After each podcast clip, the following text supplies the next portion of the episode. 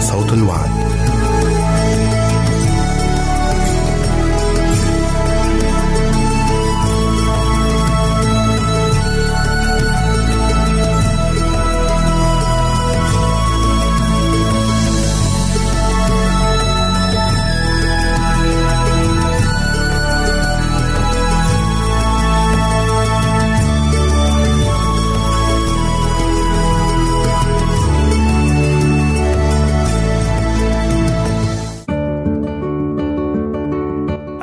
المستمعين والمستمعات راديو صوت الوعد يتشرف باستقبال رسائلكم ومكالمتكم على الرقم التالي 00 961 سبعة ستة ثمانية ثمانية ثمانية أربعة واحد تسعة. نشكركم ونتمنى التواصل معكم. والسلام علينا وعليكم.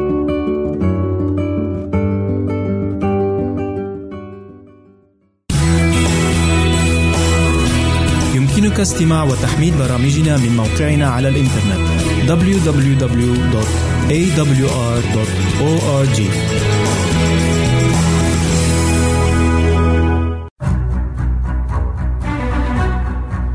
أعزائي المستمعين والمستمعات تتشرف راديو صوت الوعد باستقبال أي مقترحات أو استفسارات عبر البريد الإلكتروني التالي راديو تي في مرة أخرى بالحروف المتقطعة R A D I O at A L شرطة W A A D نقطة تي في والسلام علينا وعليكم.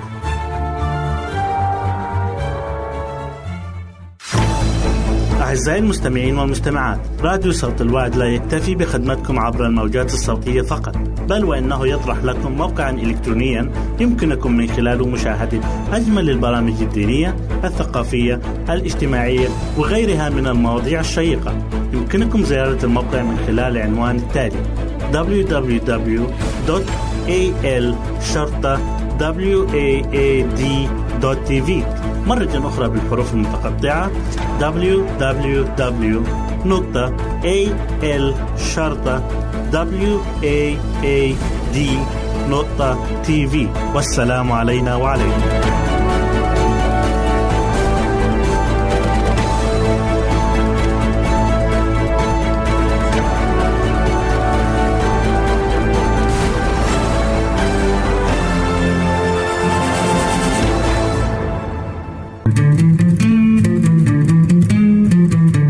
أنتم تستمعون إلى إذاعة صوت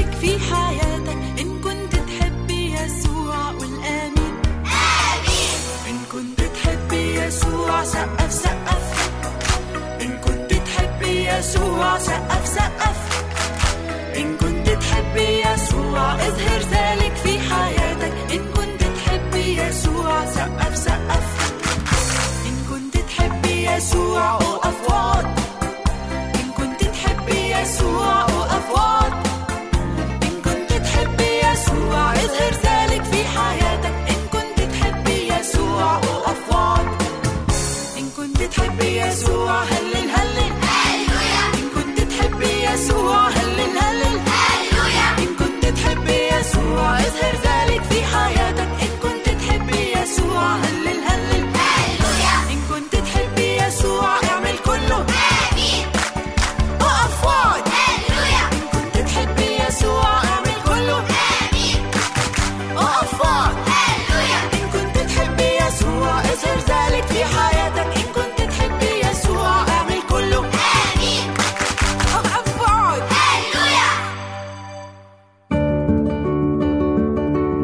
أعزائي المستمعين والمستمعات راديو صوت الوعد يتشرف باستقبال رسائلكم ومكالمتكم على الرقم التالي 00 961 سبعة ستة ثمانية ثمانية ثمانية أربعة واحد تسعة.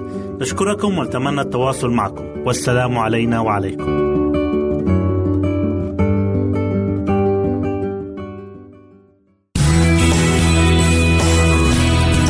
استماع وتحميل برامجنا من موقعنا على الإنترنت www.awr.org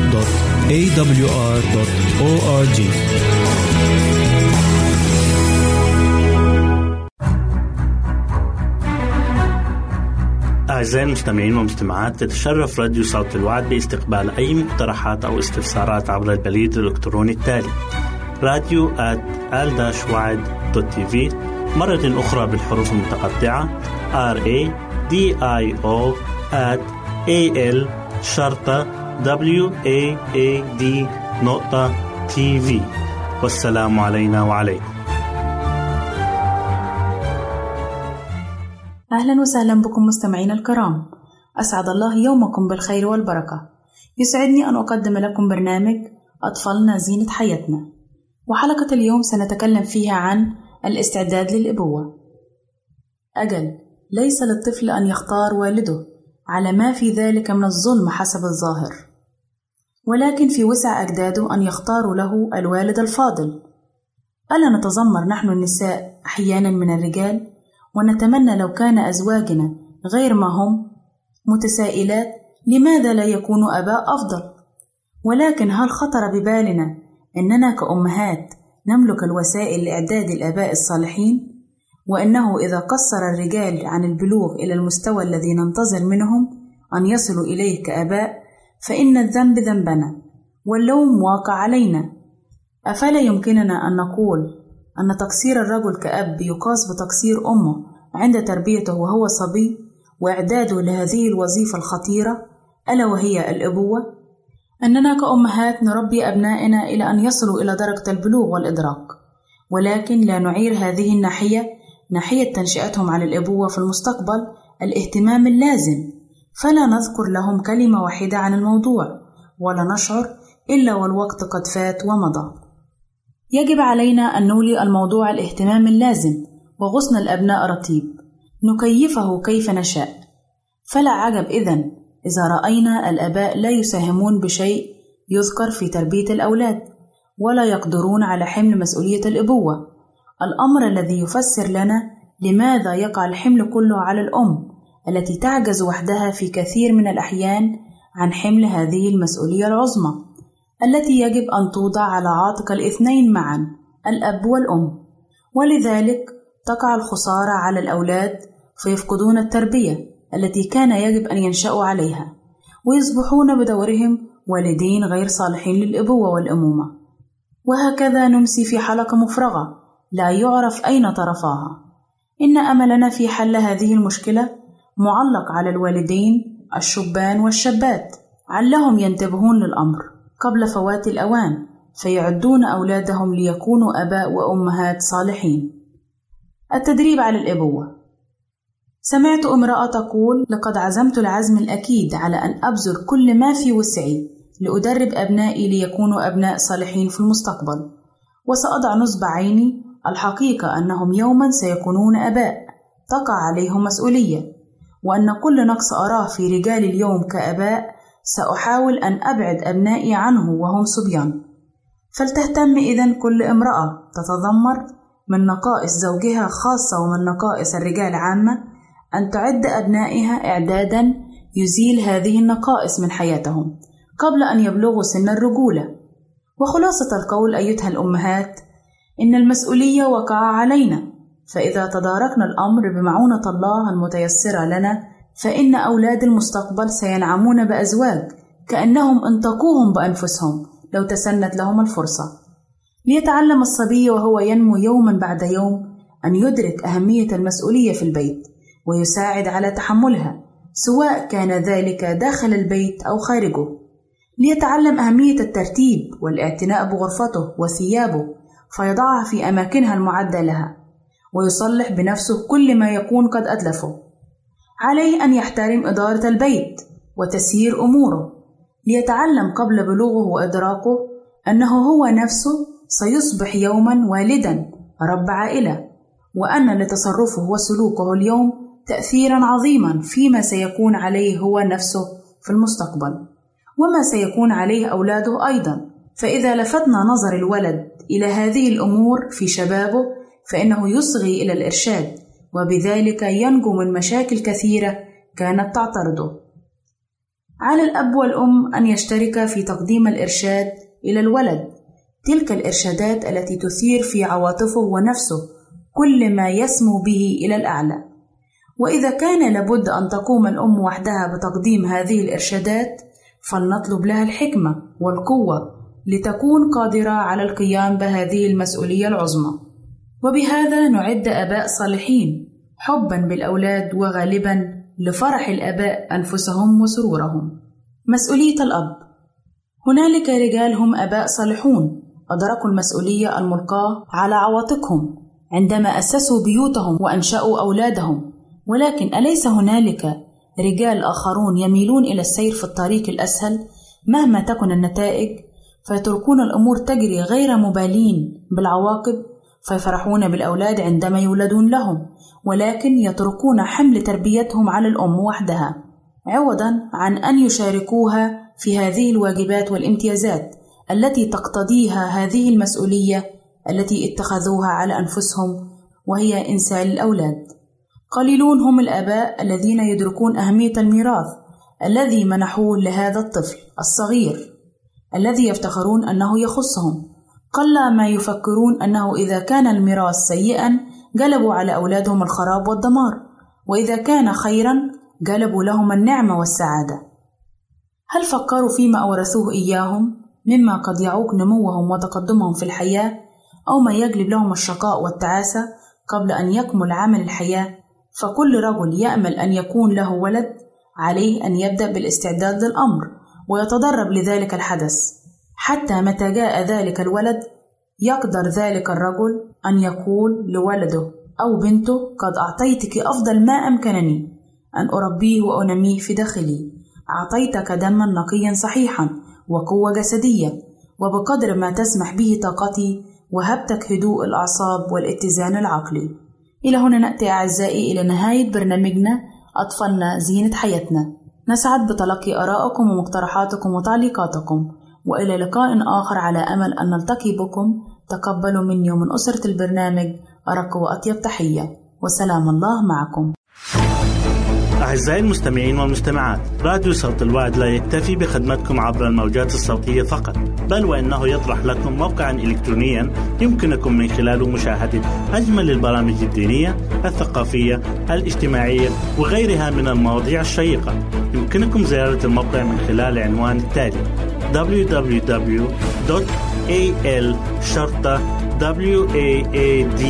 www.al-waad.tv مرة أخرى بالحروف المتقطعة www.al-waad.tv والسلام علينا وعليكم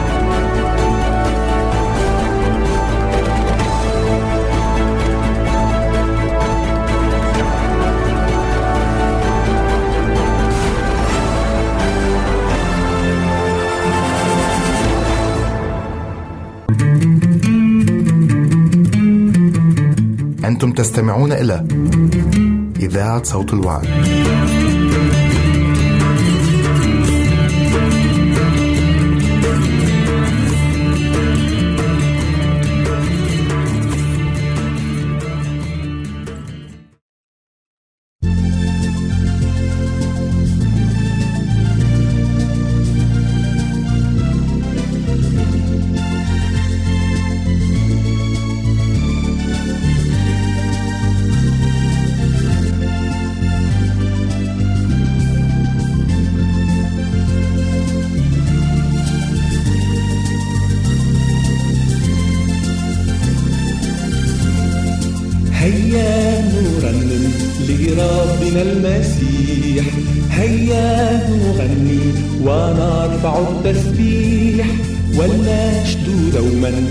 بألحن النشيد مباركين إلهنا المجيد فمجدا وحمدا لربنا الإله من قد فدانا وأعطانا الحياة هو عظيم وسيد الشعوب يعطي خلاصا ويغفر الذنوب.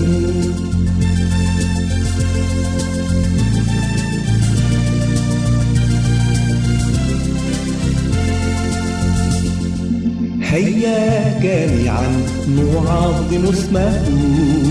نهدي بفرح قلوبنا له فودعنا إلى هدى القدوس.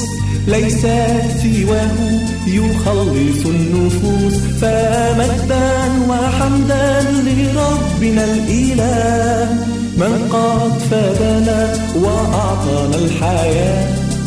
هو عظيم وسيد الشعوب يعطي خلاصا ويغفر الذنوب.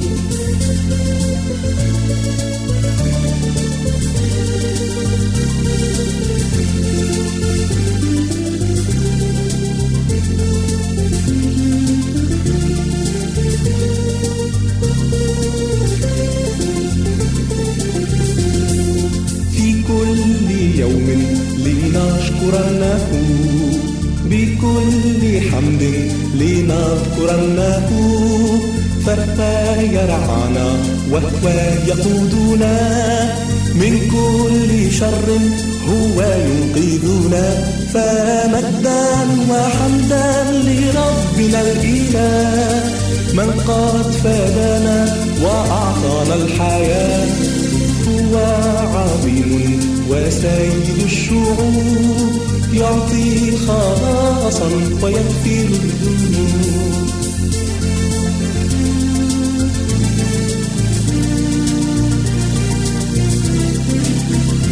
فمجدا وحمدا لربنا الإله من قد فدانا وأعطانا الحياة. هو عظيم وسيد الشعوب يعطي خلاصا ويغفر الذنوب. فمجدا وحمدا لربنا الإله من قد فدانا وأعطانا الحياة. هو عظيم وسيد الشعوب يعطي خلاصا ويغفر الذنوب.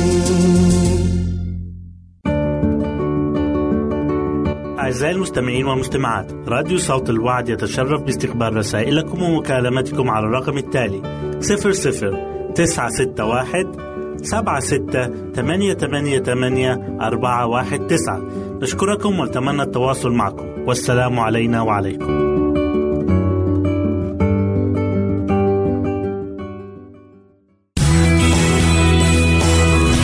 يمكنك استماع وتحميل برامجنا من موقعنا على الإنترنت www.awr.org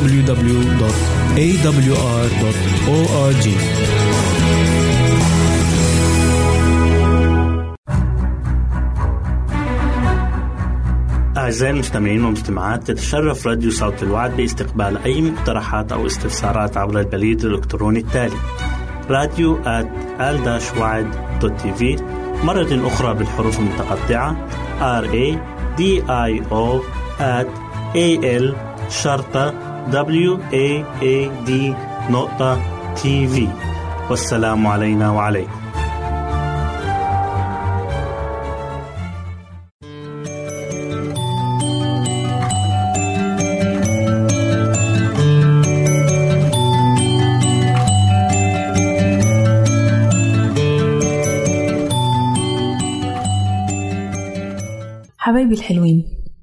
أهلا بيكم في برنامج قصص وحكايات لأحلى صبيان وبنات.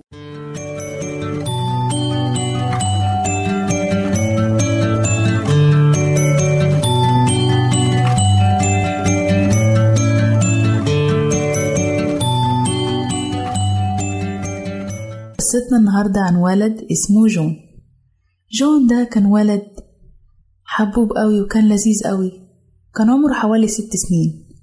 وكان أول سنة بقى يروح المدرسة ومبسوط وفرحان مبسوط بالميس بتاعته وأصحابه في المدرسة. وكان ولد لذيذ قوي بس كان عنده مشكلة واحدة. مشكلة جون إن هو ما كانش بيحافظ على الوقت. كان كل يوم والتاني يروح المدرسة متأخر. يعني كان ممكن تقريبا ممكن يروح المدرسة متأخر ثلاث مرات أو أربع مرات في الأسبوع. الميس تقعد تقوله يا جون حبيبي حاول تصحى بدري يا بابا حاول تيجي بدري المدرسة ما ينفعش تبقى متأخر.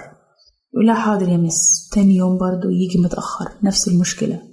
فالمس كانت توقفه في زاوية من الفصل وتذنبه شوية وبعدين يقعد. واستمر استمر جون على الحال ده لفترة طويلة. كان لما يرجع من المدرسة في البيت يقعد يمسك التابلت بتاعه ويقعد يلعب عليه ألعاب ويقعد لساعات طويلة جدا على التابلت. فمامته كانت تقعد تندم عليه تقول له جون يا حبيبي أنا جهزت الغدا تعال اتغدى. يقول لها حاضر يا ماما دقيقة واحدة بس يا ماما أنا قربت أخلص اللعبة دي. هخلص اللعبة دي وأجي على طول يا ماما. مامته تستنى دقيقة واتنين وخمس دقايق وعشر دقايق إن جون يجي أبدا. كان دايما يبقى متأخر يروح المدرسة متأخر في الأكل يبقى متأخر في كل حاجة يبقى متأخر. مامته تعبت جدا منه من الموضوع ده. وكمان المس في المدرسة تعبت من الموضوع ده. وبعدين ندمت عليه ما جاش يتغدى.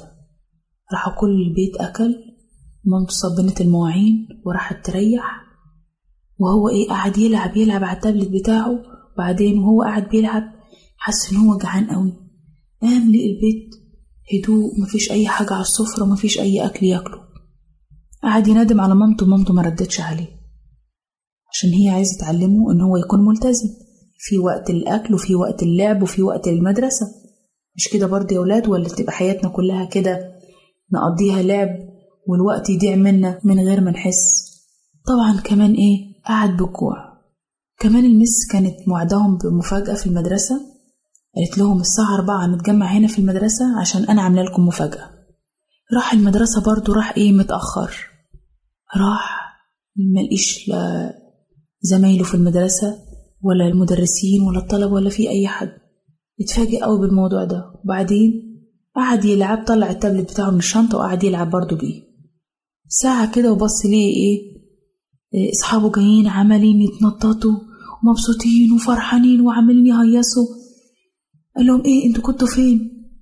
قالوا له إحنا رحنا كان في ست آه، دعتنا إن إحنا نروح الجنينة بتاعتها والجنينة بتاعتها جميلة جدا وفيها شجر جوافة وشجر تفاح وشجر مانجا وأشجار حلوة قوي. وأكلنا من كل حاجة وكانت عاملة لنا سفرة كده مليانة أكل كل تشتهيه نفسك. فقعد جون يبكي وقال إيه ده؟ إزاي؟ راحت عليا الفرصة الحلوة دي راحت عليا النزهة الحلوة دي. طب ما قلتليش ليه؟ قالوا له كانت عاملها لنا مفاجأة. وإحنا جينا في الميعاد وكلنا رحنا وأنت اتأخرت. راحت المس قالت له أنت كنت فين يا جون؟ ليه اتأخرت ليه يا بابا؟ مش أنا قلت لك. لازم تحافظ على الوقت يا جون وما تتأخرش تاني. راح جون قعد يبكي وحس إن هو اتحرم من الانبساط والمتعة اللي هو كان هيقضيها مع أصحابه. بعدين المس قالت له يا جون أنا مش نبهت عليك كذا مرة. نبهت عليك مرات كتير إنك ما تتأخرش. وأدي النتيجة. أديك حرمت نفسك من فسحة حلوة كنت هتتبسط فيها معانا ومع أصحابك. ومن الوقت ده يا ولاد جون بدأ إن هو يكون ولد ملتزم وإن هو يحافظ على الوقت وما يقعدش على التابلت ساعات كتيرة وعلى ال games وعلى الألعاب ديت ويقعد لفترات طويلة ويضيع وقته وكان كمان بيهمل في دروسه وفي مذاكرته لأنه طول الوقت قاعد على الألعاب ديت والوقت بيجري منه. وكمان يا ولاد الوقت ده وزنة من ربنا. لازم نخلي بالنا إن ربنا هيحاسبنا على الوقت ده. إذا لازم نستثمر وقتنا ونستخدمه ونستغله استغلال صحيح. وإلا هتبقى حياتنا كلها غير منظمة وهيضيع منا آه، فرص وحاجات كتيرة كان يبقى نفسنا نعملها ونتحرم منها. أتمنى نكون اتعلمنا الدرس زي ما جون اتعلم الدرس واستنونا في قصة جديدة وتوتة توتة قصة وحدوتة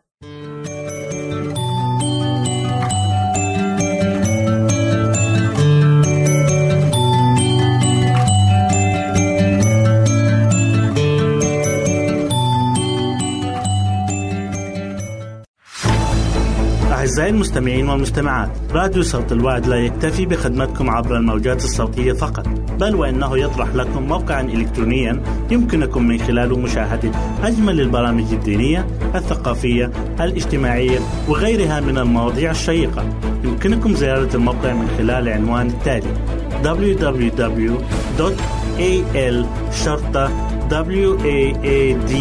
waad.tv مرة أخرى بالحروف المتقطعة www نقطة al شرطة w a a d نقطة والسلام علينا وعليكم.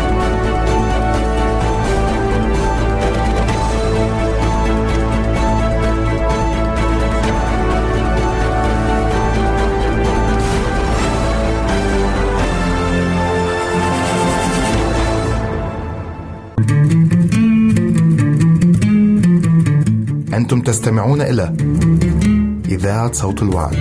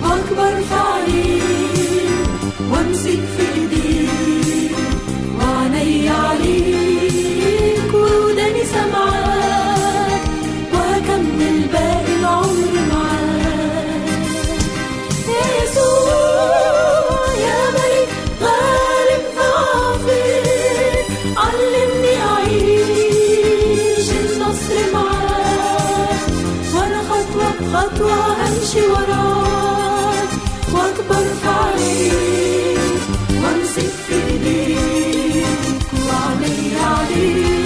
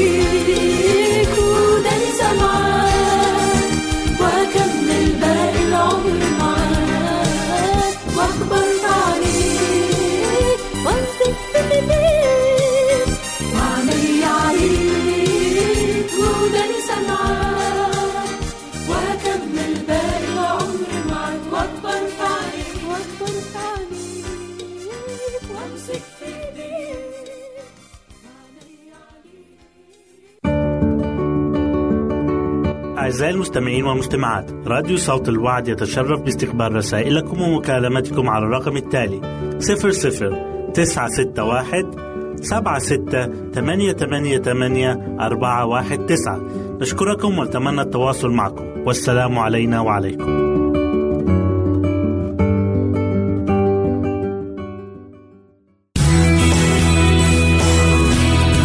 يمكنك استماع وتحميل برامجنا من موقعنا على الإنترنت www.awr.org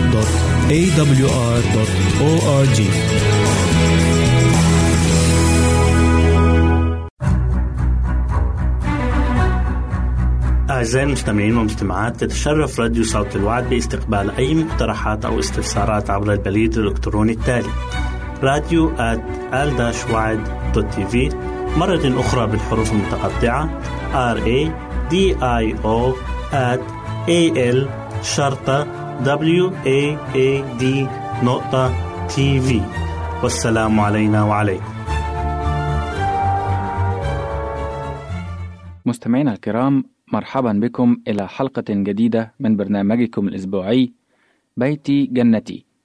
وحلقة اليوم بعنوان أعطوا تعطوا. هل شعرت سيدتي بالفراغ مرة؟ وبأنك في مسيس الحاجة إلى المحبة والاهتمام؟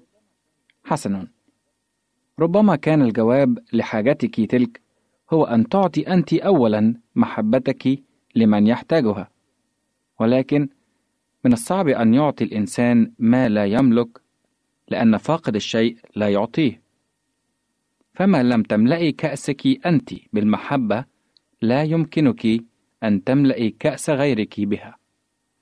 وتخبرنا الدكتورة منى كيف نجحت هذه الطريقة في حياة ليلى وكيف يمكنها أن تنجح في حياتك أنت أيضا. علمت ليلى أن زوجها لا يحب السيدات ذوات الوزن الثقيل والمترهلات. فكم بالحري إذا كانت هذه السيدة هي زوجته.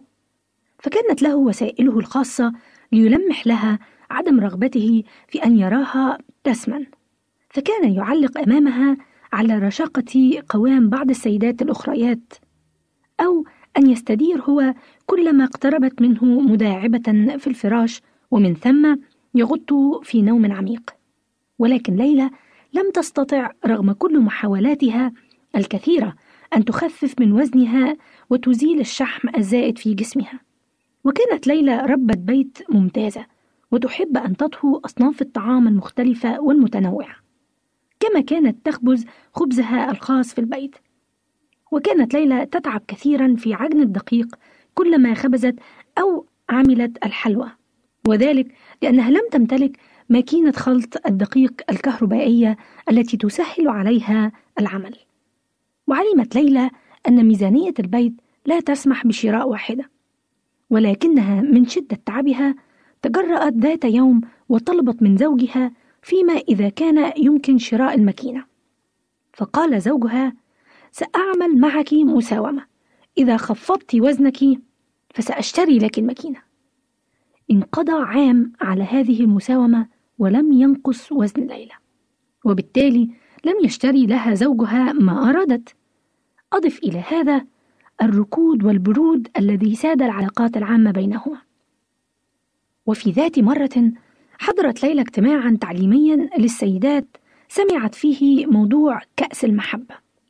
والفكرة الكامنة وراء الاجتماع هي أنه إذا كان الطرف الآخر لا يحب فهذا يرجع إلى احتمال أن يكون مخزون المحبة عنده قد تضاءل أو نضب تماما فلم يعد عنده ما يعطيه. فعلى مثل هذا الشخص أن يملأ مخزونه أولا بالمحبة ومن ثم يمكنه أن يعطي ويحب الآخرين. عادت ليلى إلى بيتها بعد أن قررت أن تكتب قائمة بكافة الخصال التي تحبها في زوجها وبسرعة دونت 15 نقطة. وعندما وصل زوجها إلى البيت طلبت منه أن يجلس وقدمت له شرابا مرطبا ومن ثم تلت على مسمعه النقاط التي دونتها والتي أحبتها فيه. جلس زوجها يستمع بصمت ثم ابتسم في النهاية وقال معلقا أهذا كل ما وجدتيه فيا؟ فأجابت بسرعة وهي تفكر في المزيد من أسباب حبها له كلا كلا عندئذ فقام زوجها وتوجه إلى شأنه وإذا كان يجلس إلى مكتبه يقلب في بعض الأوراق أخذ يفكر فيما فعلته زوجته فلم يكن يعرف كيف يجيب عليها لأن شيئا كهذا لم يحدث من قبل منذ زواجهما. وبعد ظهر ذلك اليوم استدعى زوجته ليلى وقال لها زوجتي الغالية ليلى لقد قررت الذهاب إلى البنك غدا كي أسحب نقودا لتصليح سيارتنا.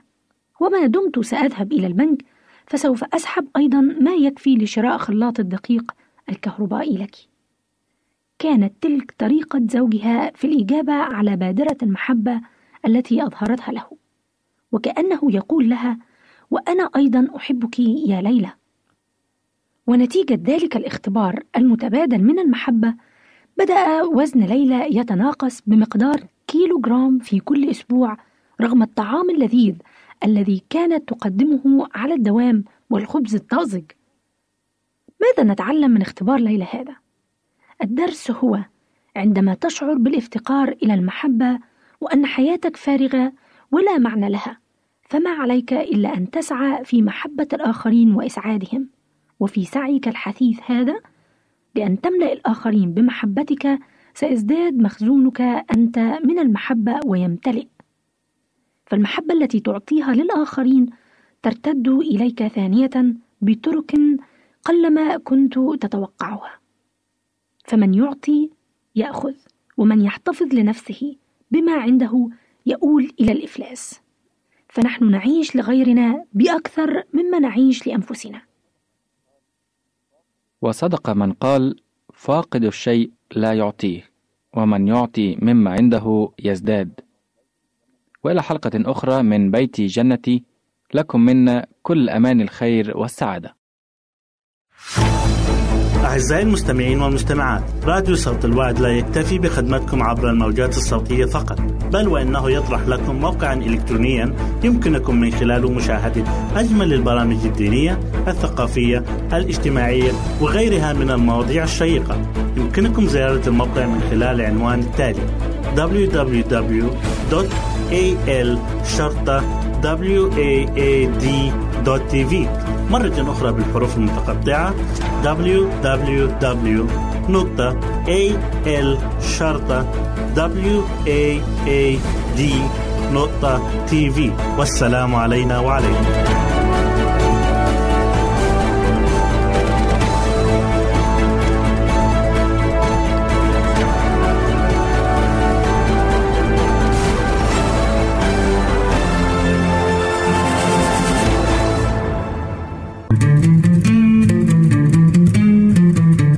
أنتم تستمعون إلى إذاعة صوت الوعي.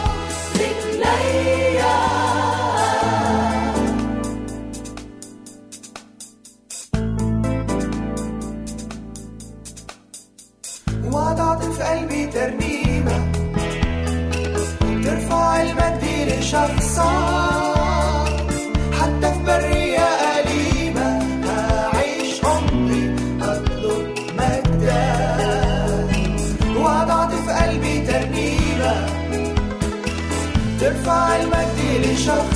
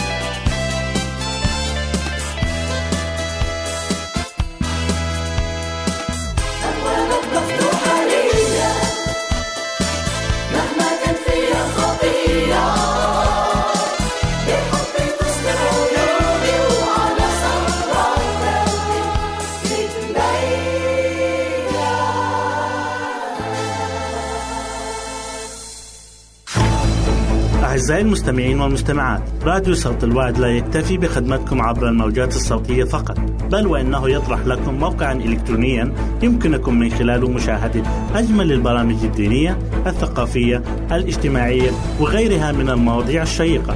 يمكنكم زيارة الموقع من خلال العنوان التالي www.al-waad.tv مرة أخرى بالحروف المتقطعة www.al-waad.tv والسلام علينا وعليكم.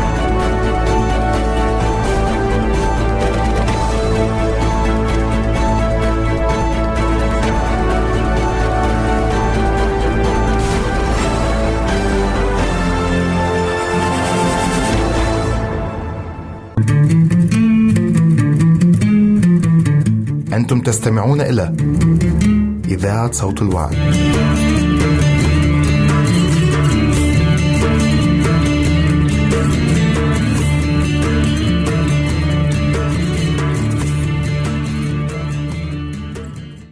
أعزائي المستمعين نرحب بكم في برنامجكم تأملات عن الروح القدس. ما هو عمل الروح القدس وكيف يستخدمنا؟ وما هي مواهب الروح القدس وما هي ثماره إن أردت أن تعرف عن هذه الأشياء فتابع معنا البرنامج وابقى معنا.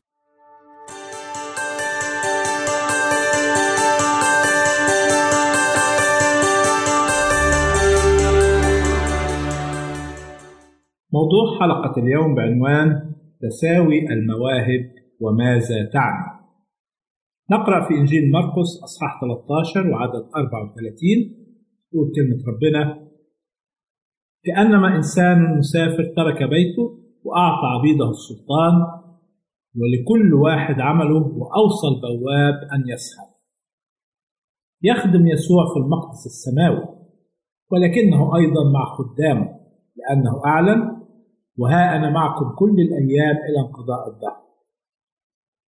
إنه المرشد الروحي لكنيسته على الأرض وهو يشتاق أن يرى الأعضاء مملوئين بالتصميم على العمل بانسجام وتناسق لغرض تقدم ملكوته إنه أقام مجموعة متتابعة من الخدام الذين يحصلون على سلطتهم منه هو بوصفه المعلم الأعظم. إنه أختار لعمله أناسا متعددي المواهب والقدرات. بعض هؤلاء قد لا ترغب أنت في اختيارهم ولكنك ستمر في اختبار يجعلك ترى أن الله يرفع ويرقى بأناس تعتبرهم أنت أدنى منك.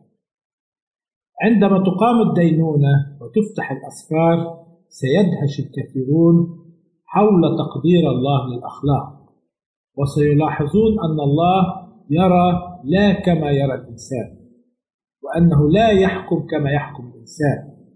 إنه يقرأ القلوب ويعرف الحوافز ونوازع الأعمال ويلاحظ ويمتدح كل جهد مخلص يكرس من أجله. الرب يستخدم مواهب عدة في عمله.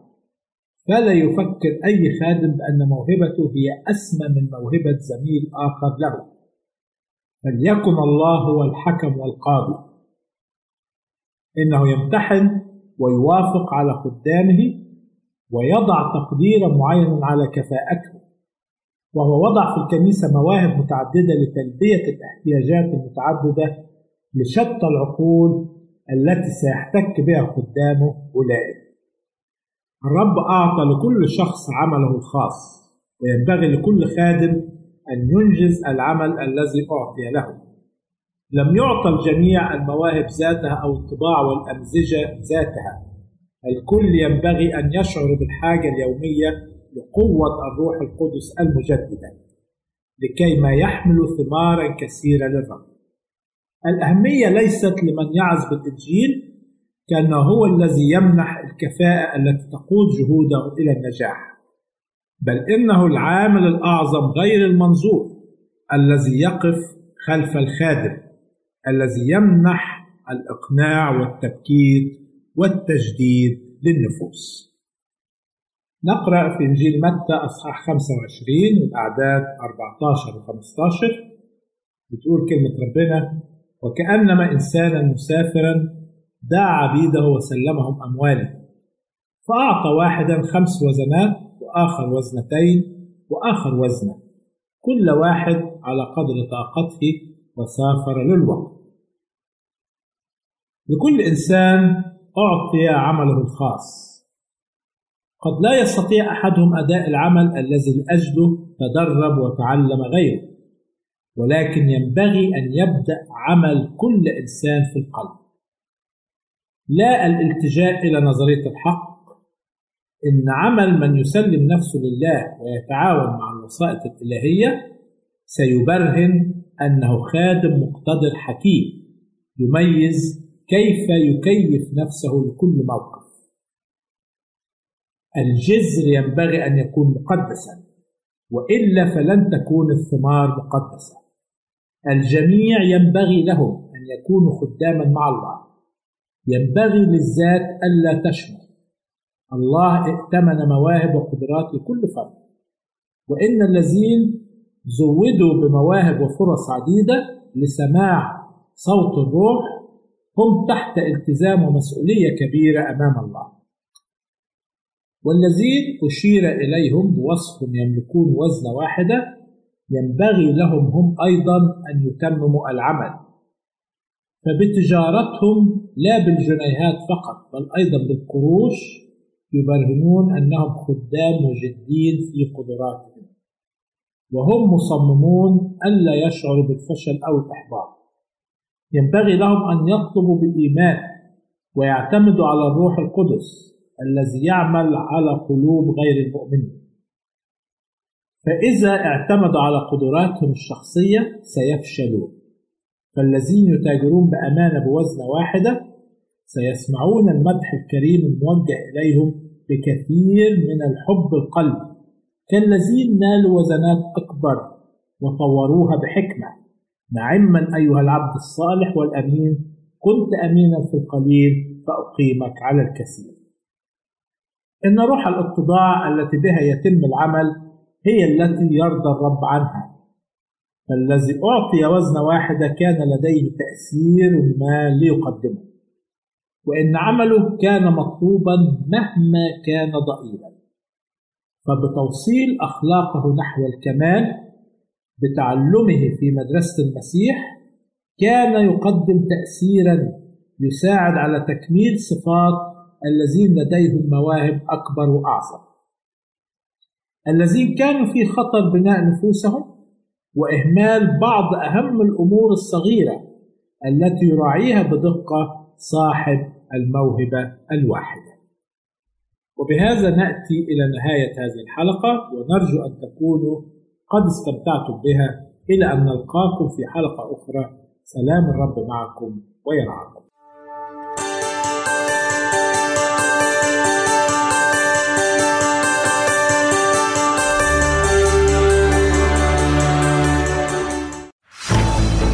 أعزائي المستمعين والمستمعات راديو صوت الوعد لا يكتفي بخدمتكم عبر الموجات الصوتية فقط بل وإنه يطرح لكم موقعا إلكترونيا يمكنكم من خلاله مشاهدة أجمل البرامج الدينية الثقافية الاجتماعية وغيرها من المواضيع الشيقة.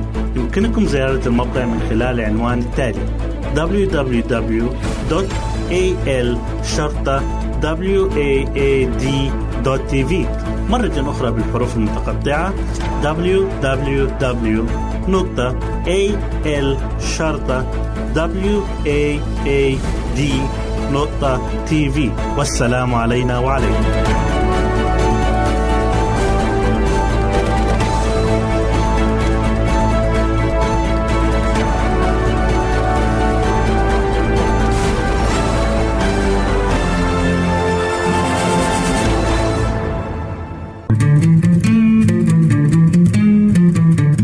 أنتم تستمعون إلى إذاعة صوت الوعد.